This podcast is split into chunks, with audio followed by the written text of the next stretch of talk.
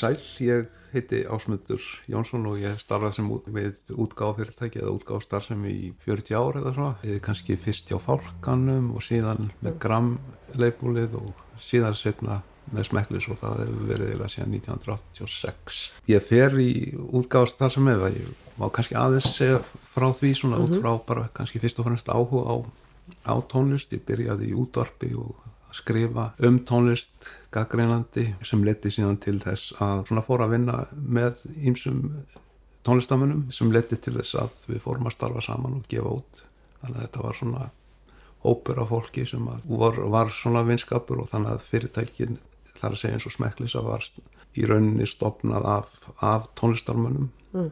ég fylgdi með, hafði unnið með þeim áður og svo framvegis. Svona verða að segja það að þetta hefur verið mjög skemmtilegt Já, en oft líka mjög erfitt.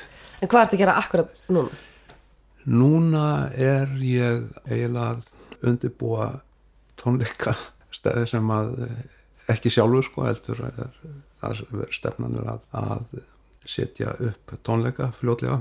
Síðan er ég, starfa ég mjög mikið fyrir þessi samtök rétthafa þar að segja þá á sviði félags hljómblötu framlegenda og samtaka flytjenda og hljómblötu framlegenda Ok, þetta ég veit að í gegnum tíðin að þetta hefur oft verið svona fyrir fólki allar þessar skamstafanir FIH, SFH, já, FHF svona, svona tekur tíma fyrir fólk að, að venjast þessum Mhm. heitum og fyrir hvað þessi félög standa. Já, en, einmitt, en hérna við getum nú farið aðeins út í það kannski og eftir ef að þú vilt. Já, algjörlega. Ég vil veita meira, sko.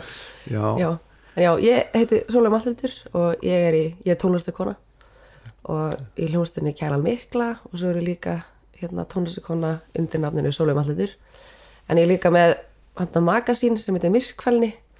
Og við erum svona að fara að byrja kannski að gefa út einhverjar plötur og kassetur og standa fyrir tónleikum. Allt, byrja allt rosa svona DIY eða þannig. Og svo núna er þetta allt í orðið ótrúlega svona official allt. Þannig ég er svona, já, nýbyrjuð að fara að skrifa undir allt og langa samning á ennsku og reyna að lesa yfir eitthvað sem ég skil ekki neitt í Já. og er alltaf að læra. En já, þannig ég er svona á byrjunar stað í einhverju svona official dóti. Já, þú er semst að að, að gefa út alþjóðlega, er það ekki? Jú, við ætlum að byrja að gera það sko með myrkvelni hérna blaðið. Og hvað, hvað ef þú verður til að segja mér aðeins meira frá, frá myrkvælni ég, Myrkvelni, já, þetta er sko svona magasín um jaðar tónlistasynina á Íslandi og við byrjuðum þetta árið 2017 og að, að því við byggum, ég og kynna vinkonum mín sem er með þetta, við byggum í Þýskalandi og vorum alltaf með hljómsdunum minni, Kjæla Mikla. Við vorum alltaf að túra og, og hérna kynnast einhverjum nýjum svona tónlistasynum úti. Og okkur langaði svo mikið að fá fleiri íslenska tónlistamenn til að koma út og svona joina senuna þarna úti. Þannig við ákveðum að gera blað um tónlistafólki sem við viljum fá út.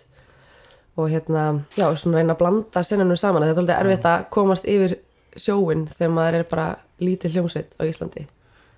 Þannig að Já, er þetta svona fansínus og menn hafa verið að gera mikið já, Já, þetta er með, við gerum ekki neitt á netinu en bara með blöð og erum eitthvað, hei, vil ég hafa blað, við á blað? Eitthvað, það er úrslega gaman. Já. og fólk kann að meta það sko.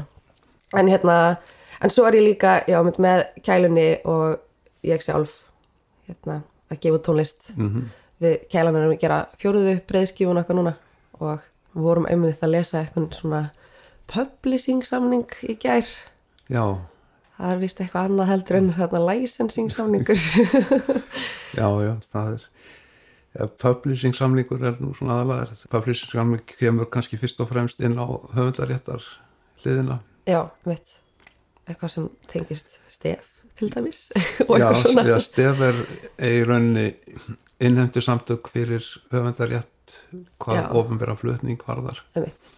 Á meðan þið eru kannski meira að hugsa um e, höfundaréttasamninga til þess að framselja til kannski inn í kvikmyndir eða, Já, eða sem sagt að þessi ákveðna aðli muni vera að koma ykkur á framfæri á þeim vettvangi. Já, þannig að oft á tíðum að eins og til dæmis þegar er verið að pizza tónlist í kvikmyndir að þá er kannski er rétturinn í rauninni þrýþættur sem er þá master rétturinn sem að yfirleitt er þá tengist flytjendum og er yf- yfirleitt í eig- eigu þess sem að borgar masterinn þar að segja sem er þá útgefandi já, en þú þart samt sem áður alltaf að, að passa það að, að flytjandin hafi veitt heimild fyrir því að, að hérna það megi nota viðkomandi já, upptökur í, í kvikmyndir að þeir hafi sam,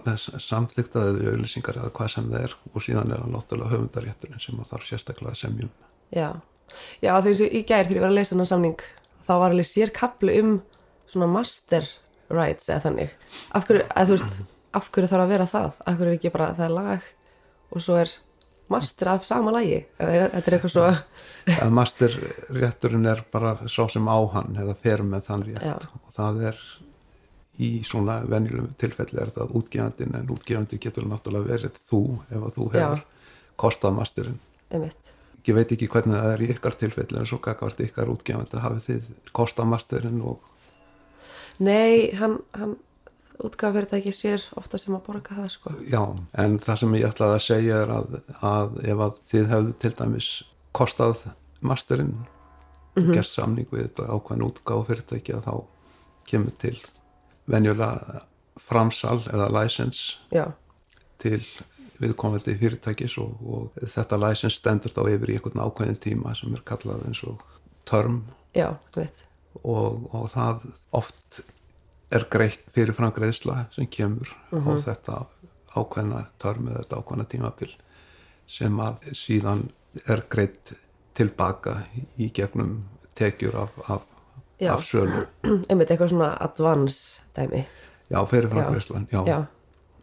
en þú veist, hérna ein, ein pæling sem við erum Já. með. Af hverju vill maður advance? Fyrir utan það, þú veist, að borga fyrir upptökur og borga fyrir alls konar. Þú veist, af hverju ætti ég að vilja fá einhvern meiri pening, eða þú veist, er það ekki bara eins og skuld, eða þannig? Í rauninni er það þannig Já. jú, en það er oft á tíðum þarf fólk að hafa einhverja peninga eða já, tekjur satt. Þannig að, Já, að, já. Að á meðan þetta tímabil er að líða sem er oft þetta, já ég hef alltaf kallað þetta þróunaferli sko þegar, þegar fólk þarf að eða eins og var allavega áður sko að fólk túraði mikið Mhm. og byggði upp fylgi með þeim hætti eða byggði upp, upp svona fanbase með þeim hætti en hérna ok, ég hef verið ótrúlega mikið í svona DIY dæmi Já. og verið eitthvað, "Æ, ég ætla bara að gefa út þessar kassetu sjálf eða eitthvað svona en af hverju er betra að vera með útgáfyrirtæki eða af hverju þarf, þarf ég að vera með útgáfyrirtæki eða hjá útgáfyrirtæki Það er spurning. Hvers vegna gerður þú samning við útgáfu fyrirtæki? Ef ég spyr bara tilbaka, ég skal síðan svara. já, það var minni vinna fyrir mig svolítið og hérna kannski bara til að komast lengra Já, ég held að, að ef að fólk finnur réttan farveg með útgáfu fyrirtæki þá sé það tvímálust til hagspóta. Það er að segja að heimurinn er undir og ég held að engin ein manneskja eða einn aðeins geti gert allt. Þannig að, að ef að fólk finnur góðan partner með sér sko, í form útgáfu fyrirtækist þá held ég að sé, sé mjög, mjög jákvæmt. Venjulega var þetta alltaf þannig að menn voru með eiginlega þrýþætta samningar sko, það er agent, það er publishing samning, það er útgáfa fyrirtæki og yfirleitt voru þetta syngur aðilinn og það þótt, þótti til hagspót út af því að, að vera ekki með allan réttin í sömu körfunni og, og kannski þá fleira og stærra tím til þess að vinna með sér. En þetta hefur breyst í setni tíð það eftir að markaðarinn breytist verulega og hérna fyrirtæki eru farin að gera e, viðtækari samninga eldur en áður var sko það er að segja bara til þess að ge- réttlæta hugsanlega fjárfestinguna sem að viðkomandi fyrirtæki er að gera -hmm. og, og til þess að, að, að bara skapa þær tekjur sem þarf til þess að, að hérna, byggja upp artistan sko en þetta náttúrulega byggir á því að sé að fólk finnir sér réttan partner sem að er þetta treystir og, og, og hefur trú á því -hmm. og ég minna að það var mjög algengt hjá fyrirtækjum og eru vafalust ennþá að, að það er einhver ákveðin aðil inn í fyrirtækjunu sem að gerir samningin og, og er svona hefur trú á listamannum hann er rekin eða fer frá fyrirtækjunu og listamanninu sittur eftir mm -hmm. svona heimilislaus í raun og veru og, og, og fer á hilluna sko mm -hmm. þannig að það eru svona atriði sem að, sem að kannski er mikilvægt að hafa í huga að tryggja það að það, það teimi sem að fólk hefur trú á og virðist, virðist virka að, að það fylgi mm -hmm. ef einhverja breytingar eiga sér stað Já, mér, mér finnst mjög gott að vera hjá útgáðfyrirtæki sko, mér finnst það mjög Já. þægilegt af því það er líka svona, þú veist að fá annað fólk með sér í lið þú veist að þetta er ekki bara ein vittneski, þetta er líka, þú veist tvær manneskir með sikkurar hugmyndirnar og sikkurar pælingarnar Já, mér finnst það mjög næst að fá Það verður til einhvað svona samtal sem að Já. og fólk fer að spinna veist, hvað er ég að gera mm -hmm. og, og hvaða fjármagnir fyrir hendu og hvernig ég á ráðstæði þú veist, það er, ég held að það sé mjög Já. holdt að hafa, hafa fólk með sér í liðinu sko. Algjörlega og Já. svo er hérna, ok, það er þetta að vera með útgafyrirtæki en svo er líka eitthvað sem heitir label services hvað, hver er munurinn á, á því? E, útgáfafyrirtæki er venjulega með masterjættin og meðan label service er, er stundum hefur að vera dreifingur fyrirtæki sem að veitir ákvæðina þjónustu í sambandi við dreifilegðir þá, þú veist, þeir með kannski í stafræna heiminum einhverjar dreifilegðir eða, dreif, eða lusnir og í umleið sér það kannski um framlegslu og kostar hana þá á, á vínil og setja. Þannig að það er í rauninni í gegnum tíðina hefur þetta oft verið dreifingafyrirtækin sem að taka inn plötu fyrirtæki, þú átt plötu fyrirtæki sem að er að gefa út kæluna miklu Já. og þú ferði inn í dreifingafyrirtæki og það sér um í rauninni Já. söluna Já, og kom, koma tónlistinni þá er það svona hugsanlega ykkur markasetningar átug okay. og svo framins inn yfirleitt er, er, er markasetningin alltaf sér sko, það, er, það er mín reynsla af label services er, er svo að þú kannski ferði inn í einhverja auðlýsingapakka sem eru þá segjum að það hefur verið einhverja bladauðlýsingar að þá ferðu inn í bladauðlýsingar með öðrum útgáfum sem að hinn fyrirtækin í, í, þessu, í þessu mengi er að gefa út á sama tíma. En það þýðir að yfir leitt að leifbúlið sem, sem er þá þú e, þarf að fjármagna þetta sko eða, eða sagt, ef, að, ef að salan verður ekki nægilega mikil sko. Já Já, líka eitt sem ég var alltaf að pæla svo, með svona advans, það alveg fríka mér svolítið út, sko, það sé bara einhver sem vil gefa mér pening til þess að, að þú veist gera tónlist og hvað ef bara platan gengur ógislega illa Já. og ég næ aldrei að borga upp þú veist, advansinn þá er það yfirleitt afskrifað sko en þetta er Já. náttúrulega ekki verið að gefa peningana sko ég Nei, þú veist, en ég er bara að pæla, þú veist þetta er alltaf eitthvað sem að í rauninni þú þarfst að borga tilbaka en það er þá venjulega út af því að við komum til aðeins hann hefur trú á, á verkefninu. En, en hvað er bara að segja maður líði tíu ára, þetta var bara langur þetta var bara góðu tíu ára samningur og það er ennþá þúsund dólarar eftir af hérna, hérna advansinu sem hann er ekki bara að fá tilbaka. Fæ ég þá bara reikning þúsund dólarar. Nei, venjulega er það nú ekki, ekki þannig sko, en það er náttúrulega fyrir eftir í hvernig samningurinn er. En venjulega er þetta bara afturkraft með í samræmi við þá sölu sem á sér stað. Licensing, er það dreifisamningur? Nei, er það útgafusamningur? Nei, licensing er yfirleitt þannig að þú framselur réttin til þriði aðilega, það er að segja að þú, þú ert með einhver upptöku og í staðan fyrir að, að selja masterréttin að þá mm -hmm. framseluru masterréttin í ákveðin tíma og farðan tilbaka þegar, þegar tímabilinu líkur Já.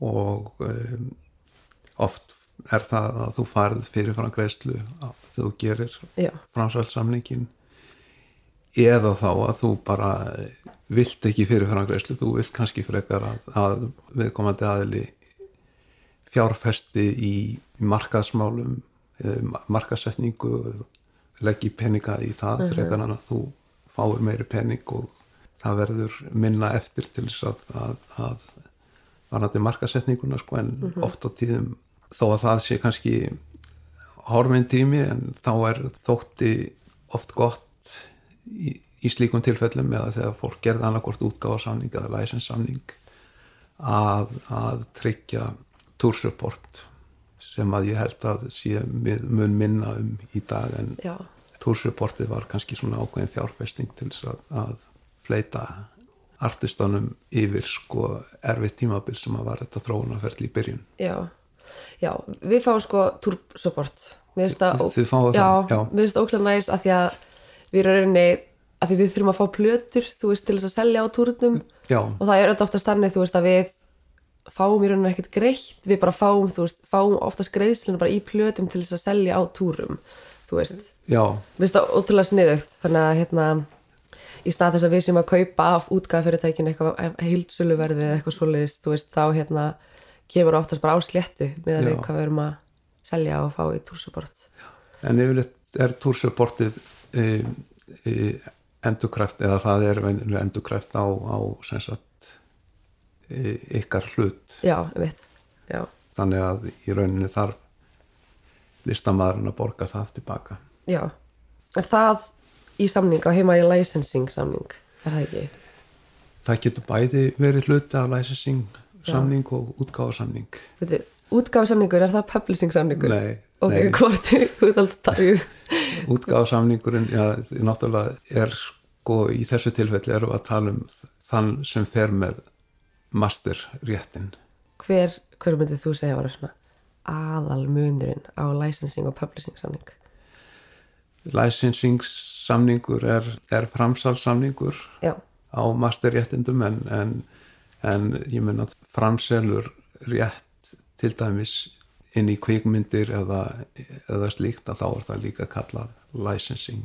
Þannig að bara licensing er þýðir að þú ert að framselja selja einhver ákveðin réttindi sem að þú átt. En þú veist, ok, publishing samningur það, það er eins og svona Spotify eða eitthvað svo leis er það þannig? Nei, nei ég, En þú veist, ég, ég, er hann að spyrja fyrir ég er hann að spyrja þú veist, þegar tónlist fyrir Spotify og eitthvað svo leis það er náttúrulega, þá tekur útgafyrirtæki, nei, publishing fyrirtæki prósentu, eða er það útgafyrirtæki? Já, í rauninni er þessi stafræna dreifing í gegnum þess að veitur að það er bara sama og þegar þú varst að selja plötur eða ert að selja plötur, þú veist, þetta er bara eintækið sem að er streymt og þú far greitt fyrir hvert skipti sem að lægið eða, já, streymist, þannig að þetta er í rauninni eins og bara plötubúð í raun og veru, sko. Já, Publishing fyrirtæki fer með höfundarétt og það náttúrulega, eða innheimtir höfundarétt. Mhm, það sem sagt fær hluta af því sem að tengist, tengist honum. Þetta er eins og, eins og sko til dæmis hér heima að þá eru, eru fæstir listamenn með publishing samling e, hins vegar sér stef um innheimtu á ofinbjörnum flutningi og hefur innheimt í gegnum tíðina af seldum eintökum af plötum og eða vínil og setja. E, í þessu tilfelli í stafranheiminum þá sér stefum innheimtu af hérna höfundaréttagjöldum sem var það indakagerðina þegar lög eru spiluð á eða eru streymt á, á hérna Spotify og þessum streymisveit. Já. En hvað, hvað myndi gerast ef ég myndi ekki skrifa undir publishing samning? Þú veist, eru, eru núna að ég er í svona samninga við þeim, útgafyrirtæki mitt og við vorum að skrifa undir svona licensing samning. Já, og núna vorum við að skoða publishing samning. En hvað við segjum bara, við viljum ekki gera neitt publishing samning. Ég þá haldið þið bara réttinu sko en venjulega gerir fólk publishing samninga því það hefur trú á því að, að, að publishing fyrirtæki muni vinna fyrir ykkur og skapa ykkur meiri tekjur heldur en þið hafið Já. kannski tök á að gera sjálf. Og Já. hvernig myndi þau skapa okkur tekjur? E, með því að auka útbreðslu á, á tónlistinni til dæmis með eins og algengast er gegnum syng eða kvikmyndir, auðlýsingar Mhm. og svo framvegis. Hvað græðir útgáfyrirtækið á því? Það áttu við þá publisherinn. Já, og líka bara, þú veist, hvað, hvernig græða útgáfyrirtækin og publishing fyrirtækin, af hverju vilja þau vera í þessu, eða þú veist, hvað fá þau aðalega út úr þessu? Þetta er, er viðskipti sem að þau hafa ákveðin náttúrulega ákveðin hluteld í tekjum sem Mhm. að koma og það er græða á því ef að tónlistin fer víðar og, Mhm. og hérna það er þeirra hlutverkar að reyna að selja þetta En er það publishing fyrirtæki sem að kemur lögunum mínum á, þú veist, Spotify playlist á eitthvað svo leis? svona ég tel að yfirleitt er það, er það e, í hlutverki markastelda inn, inn í plötufyrirtækjunum sem að er að vinna vinna það hlutverk eins og til dæmis að e, hjá starri fyrirtækjum eins og Sony, Universal og vissulega smæri fyrirtækjum líka þá er það yfirleitt fer svo vinna í gegnum markasteldirnar hjá þeim fyrir, hjá viðkomandi fyrirtæki. Já, eins og það sem ég er að pæla með, ég meina, sko, publisherin hann er fyrst og fremst tengdur höfundaréttinum Já. ekki sko ekki eintakasölunni já, sem er Spotify og CD og Vinillin og allt það. Og mörg orð.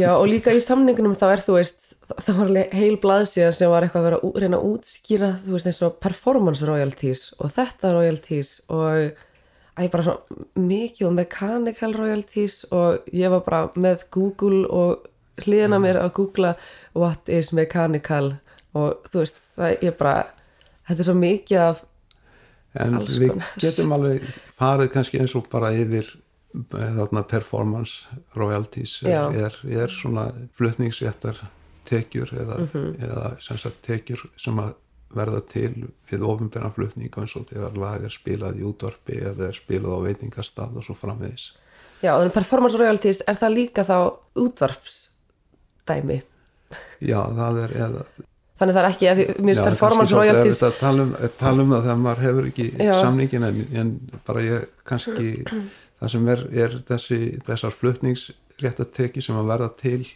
í, við, við flutning á lægi að Mhm. það, þar koma til þessi samtök sko eins og stef Mhm. sem innheimtir fyrir höfunda Mhm. og síðan er samtök flytjund og hljómsluð framleiðenda hér á Íslandi þetta SFH Já. sem að innheimtir flutningsréttatekjur fyrir flytjendur og hérna útgefundur eða mastersrétt Mhm.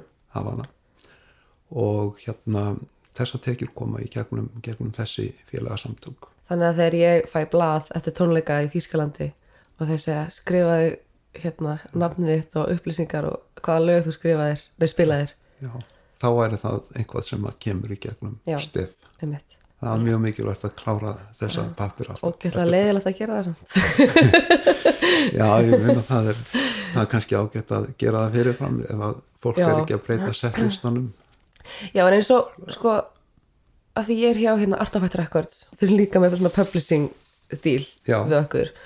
Og Artifact Records spyr mig alltaf, heinan að skrifa niður setlistan ykkar og upplýsingar yfir, þú veist, hvað hvar þeir eru að spila og fá e-mail eða kontakt hjá þeir sem eru að bóka og eitthvað svona.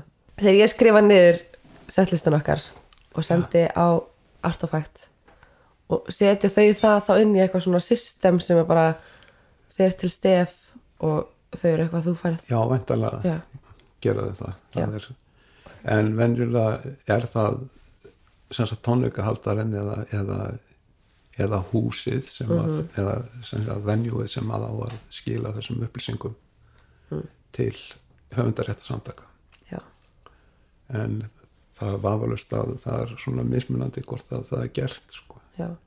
Nefnir svo fyndi að því að ég bjó í Þýskalandi og þá var ég ótrúlega mikið inn í svona DIY punk senunni og það var hérna Gema sem er úti. Já, og þetta var, var áður en ég var skildi tónlistabransan einhvað og þá voru þau alltaf allir punkararnir í Þýskalandi þau voru bara eitthvað já, eitthvað, ég skrifa ekki undir eitthvað svona samfélagsdæmi, ég tek ekki þátt í þessu. Og ég held alltaf að þetta væri ekki að slæmt, eða þú veist, ég held alltaf að gema og allt þetta væri ekki gott fyrir tónlistafólk mér veist að, já, já, ég finnst það hef upplifað þennan heim en, en ég held að þessi þetta, þetta er mjög mikilvægt þessi samtök. Já, veit og, ég sammála því núna, sko, ég bara vissi ekki hvað þetta þýtti og ég, mér fannst eru vissulega að vinna fyrir, fyrir tónlistarfólk. Já. þetta er ekki einhvað sem að já, ég menna þessar tekjur væri ekkert að koma um að væru, væru til þessi samtök. Einmitt Finnst bara fyndi, ég skil ekki af hverju þeim finnst þetta svona ræðilegt eða hvað, hva, þetta er eitthvað svona á- á móti samfélaginu. Já, já, ég menna ég þetta er bara ákveðin lífstíl sem, Já. að, sem að fólk kýsa að velja sér en, en ég held að, að þetta sé ákveðin svona hvað segir maður ignorans já, mér finnst það bara ákveðin heimska. Eða þú veist, þú getur bara googlað kannski eða eitthvað, ég veit það ekki en hérna, já. Ekki að tala ítlum þennan pöngara samt nei, en nei, nei, nei, það er en það er mikilvægt að, að rist upp í samfélaginu sko. já. Það sem ég voru að pæla áðan með hérna hvað út, útgáð fyrir þetta ekki græða á tónlistafólki eða þannig að því að, þú veist, ég er ekkert eitthvað að græða ógæðislega mikið pening að því að vera tónlistakona því að ég er ekkert eitt- eitthvað svona stór tónlistakona eða þannig. Ég er ekkert að fá eitthvað svaka tekjur inn en er þá útgáð fyrir þetta ekki að fá ennþá minni tekjur inn mm, já, það er það helst í hendur yfirleitt alltaf þínar tekjur og sko. eða svona, það er allavega mín reynsla sko, það er að ofta, á tíðum tekur 5 til 10 ár að byggja upp feril og stundum texta ekki sko, þó, Já. þó að viðkomandi aðeinar hafi blinda trú á, á því sem að listamæðurinn er að gera þá einhvað, þá gengur stundum ekki að, það eftir að ná í gegn. Það spila saman svo margt sko, hvað tækifæri koma og og það er líka bara því að mín tónlist er ekkert rosalega svona útvarpshæf oftast. Við svolítið oftast vera stór hluti eins og hjá kælunni þú veist við sem lögin okkar eru bara með bjöllum og sjóhljóðum og að þú veist þetta er, við erum kannski ekkert endilega þetta er ekkert eitthvað svona frábært tónlist til að setja á playlist á Spotify eða eitthvað svoleiðis og hérna, okkur gengur þetta alveg vel sko ég, já, já, en Nei, hérna, meina- en það bara svo það er þá aðra leiðir sko, sem að þið þurfum að fara en, en, en útvarp eða ég myndi skilgreina það allavega þannig að, að þið séuð tónleika hljónsveit sko, já, við erum tónleika og hljómsveit þar sko. sé eitthvað, eitthvað vett, vettvangur sko, og, það, Mhm. og það margir náð góðum árangri sko, með það konsept já, algjörlega það er líka ógustlega gaman já, eða bygg, já, byggt upp sitt sinn aðdáðanda hóp í gegnum bara tónleikahald sko. Já, mitt. Mér er alltaf svo fyndið þegar ég, að við erum, við erum spilað svo mikið úti og svo lítið á netinu en svo er líka átrúlega mikið af tónlistafólki sem að ég spila rosa mikið á netinu og spila hérna lítið úti eða þú veist í á tónleikum og eitthvað svona.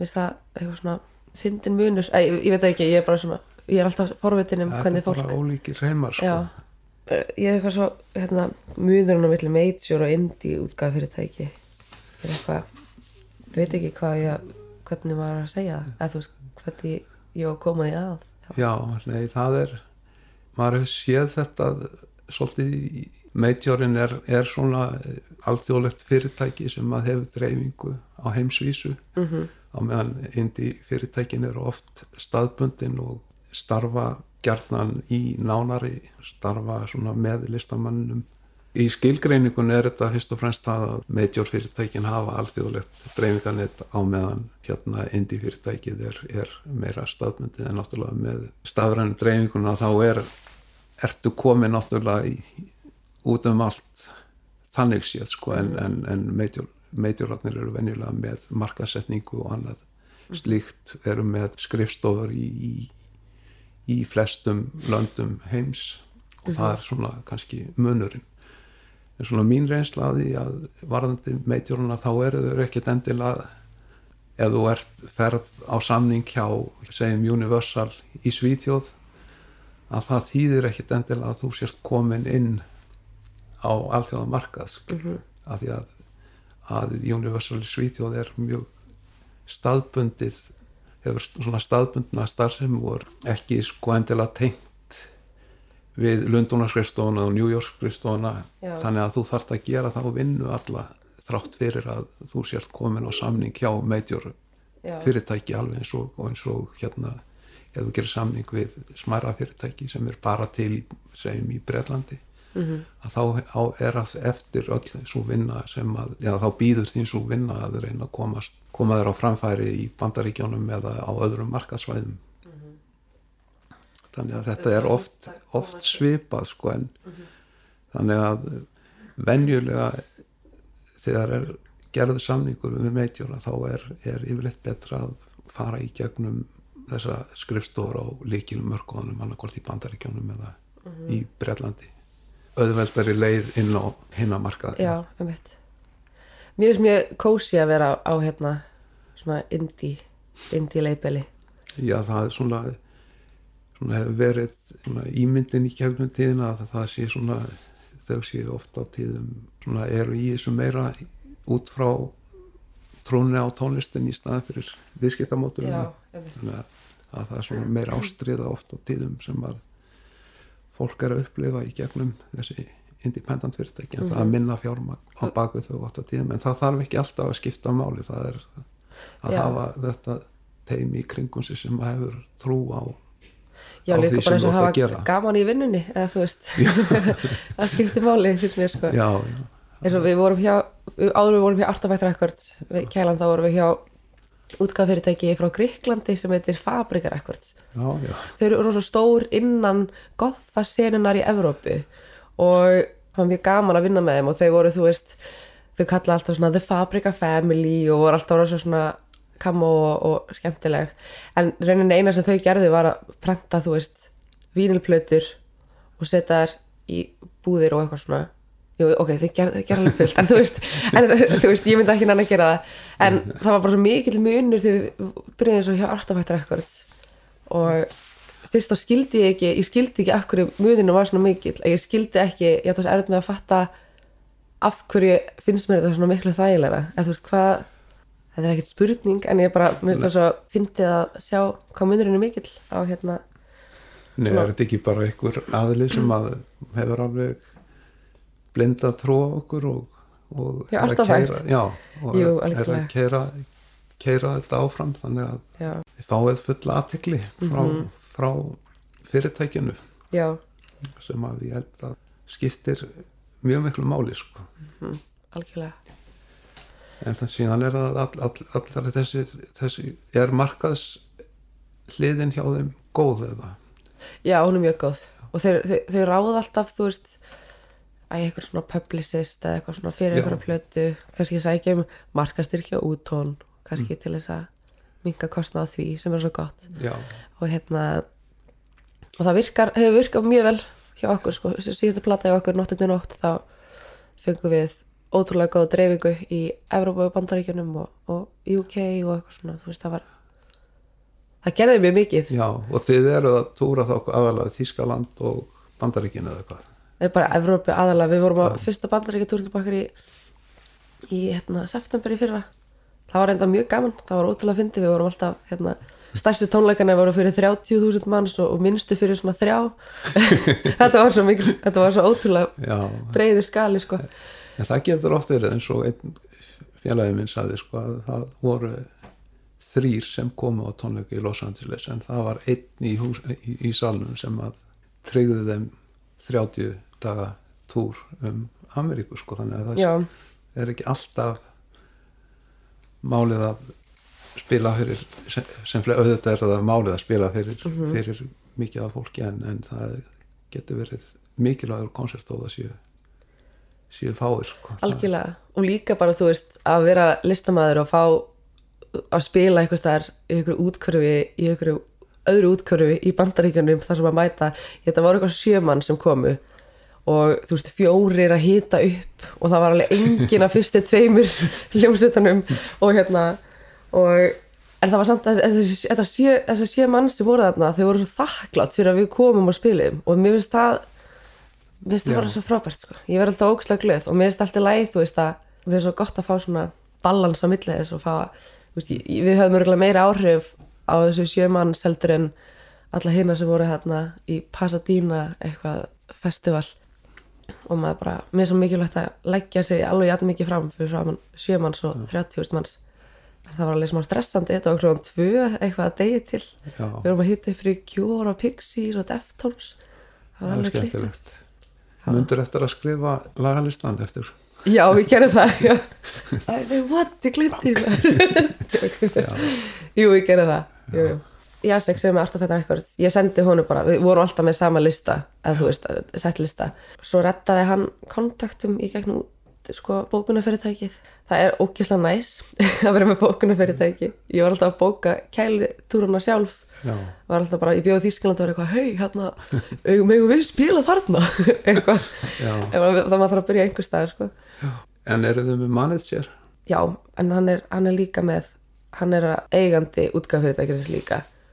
Hann, að því okkur vantaði svolítið manager Já, og hann er bara rosa svona passionate og um það að okkur gangi vel. Og hún langar, hún langar okkur gengi ennþá betur og hún langar að managerinn okkar. Það getur verið svolítið pyrrandi eins og sérstaklega þegar maður skrifa undir samninga þá erum við ekkert að fara til hans eitthvað hei, hvað finnst þér um hvað útgáfyrirtæki að bjóða okkur? Þú veist, að þetta er sami gaurinn. Sa- þannig að það er alveg svona eina, einu skipti sem er, er óþægilegt. En hérna en er ég held að þið, ættu að, að hafa lögfræði álit já, við, við alltaf þegar þið eruð að gera það eins og núna með þennan publishing samning að gera þetta rétt. Já, líka bara þú veist að við sendum ofta á aðra tónlistamenn sem að við lítum upp til að hafa gert þetta kannski tíu sem aður en samt þó að kosti smá penning sko að þá held ég að lögmaðurinn skipti, skipti máli sem er einhver óháður aðili sko. En það er líka gott á Íslandi, það er alltaf einhver vinur pappa einhvers sem er lagfræðingur er það ekki? Jú, en þetta er svolítið sér, sérhæft svið já, þessi, já, eru bara til svona tónlistar lagfræðingar já, Nei, ok, dreifing, ég sé það alltaf ótrúlega mikið fyrir mig svona, þú veist, já, hérna eru allar þessar plötur og ég vil að setja þær allar hingað, Já. en þú veist eins og með ég er svo erfitt með að skilja allt þetta netdæmi, sko.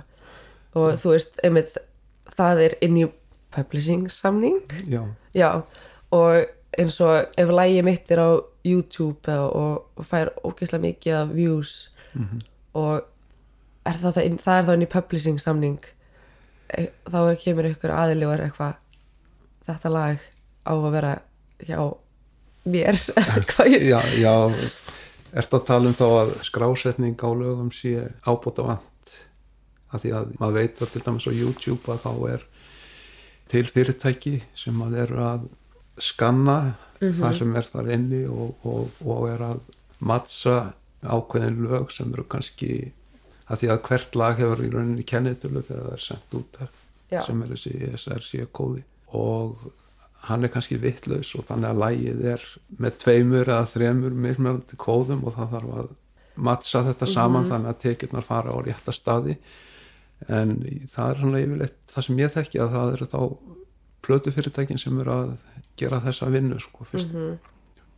Varðandi þetta atriða þá er náttúrulega er þetta í hag allra að rétt hafa sko að réttindin séu samræmt þar að segja að skráningin sé samræmt þannig að, að hluta af tekjunum fara ekki bara í einhver, einhvað svartól sko. Já, og þetta er kannski það sem að er svolítið vandamál í þessum stafræna heimi að skráningar hafa verið mjög ábúta vand Mhm.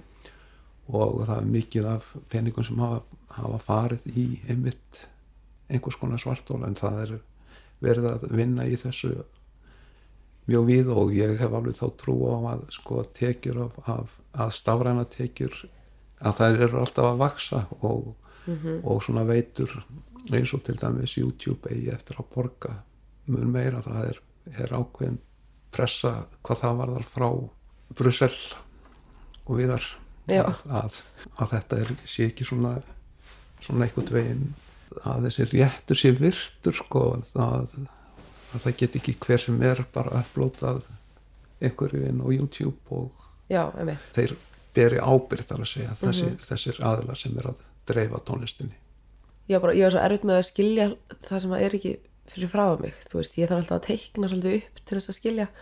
Og hérna, ég skil ekki hvernig ég fór sko í tónlistaskóla í Berlín til þess að skilja hvernig tónlist kemist inn í tölfur Já, ég bara skildi það ekki. Og það er Hvað? eins hvaða skóla varstu ég fyrir? var í DPS í Berlín. Þetta, þetta er bara svona, eh, ég er að læra raf tónlist og svona production og eitthvað svona. Mhm. en á sama, svona, á sama leveli skil ég ekki hvernig lag á YouTube getur allt í henni bara er eitthvað stef hér segir bara hér er smá peningur. Bara, ég skil ekki keðiverkunina eða þú veist ég skil ekki það er einhver, það er einhver, einhver vefsíða sem heitir YouTube eða Spotify eða eitthvað svona. Og hver er það sem að finnur það? Veist hver er það er þessi, já, já. Það er eins og fyrir masterréttin það er komað þessir kóðar sem að eru svona eiginlega bara kennitala fyrir hvert, já, hvert lag sko. ECR já, ESRC kóði. ECR og þar koma líka náttúrulega til þessi, þessi innheimtu samtök já, en auðvitað hafa þau, eins og ég var að reyna að skýra á þeim, sko, hafa þau verið alltaf að reyna að laga þessar skráningar og, og bæta innheimtuna með þeim hætti að að það hefur náttúrulega hafa tapast tekjur í gegnum tíðin út af því að skráningar hafa ekki verið í lagi. Þess vegna, þú maður það já. skrálægið alveg. Ég var að mynd ég gleymdi að skrá nýja singuli minna á stef en ég var ekki að gera það núna um en þú ættir að skrá hann líka inn á hljóðreit.is en á hljóðrið.is Já. en já, hvað hva gerir það? það er, er, er sem sagt, það eru samtök flytjenda og já, og þar er masterrétturinn skráður. Hmm. Masterrétturinn hljóðrið það er hljóðrið.is já, það finnst þið hvað þetta er flókin bransi sko. Þetta er kannski svona tveir staðir sko, sem að viðkomast staðir sem þarft að, já, þarft að fara á til þess að, að skrá. Hljóðrið.is já, já, ég held bara að ég ætlaði bara að búið tónlist og svo er eitthvað nei, já. Já. En síðan hvernig ég er að velta fyrir mér hérna eins og með fyrirtækið úti. Mhm. Ég meina þau það er örgulega búið að skrá. Já, ég held að, Tó- ég held að ég sé ekkert bara að missa eitthvað, eitthvað svæka tekjur á því að skrá þetta ekki að hljóður. Ég held að, held að þeir séu með skrá þetta hjá þeim eða eitthvað svo leist. það þurfa að hafa þess að kóða ef þetta fer inn á, Já. á stafrænu veiturnar og svo Já. þannig að það lítur, lítur að vera þess vegna er þá kannski betra ef þú ferðin á hljóðröð.is að skráða með þessum kóða sem að er Ég ætla að gera það. til Ég ætla að gera það. Segjum að útgáðfyrirtæki mitt sé búin að skrá lögin á allt í þeirra heimalandi eða alla svona plattforma sem að þarf að gera. En þarf ég þá að gera það en að hljóðrið líka? Eða þú veist, er það ekki bara... venjulega er bara lægið með eina eitt kóða sko. það, er, já, það á Já. að vera með eitt kóða annars, annars verður þetta vandamál sko. við vorum að tala um með, með YouTube að það eru kannski þrjár skráningar eða fjóra skráningar og bakvið Mhm. eitt lag Þetta er flókið. þetta er bara búið að vera ansi áhugavert og skemmtilegt samtal og gaman að hitta þig Já, semulegis. við kannski tökum dýbra spjall einhver tíma setna um þetta Já, ég, það er brottar margar auka spurningar út úr þessu. Frábært spjall. Takk fyrir Takk.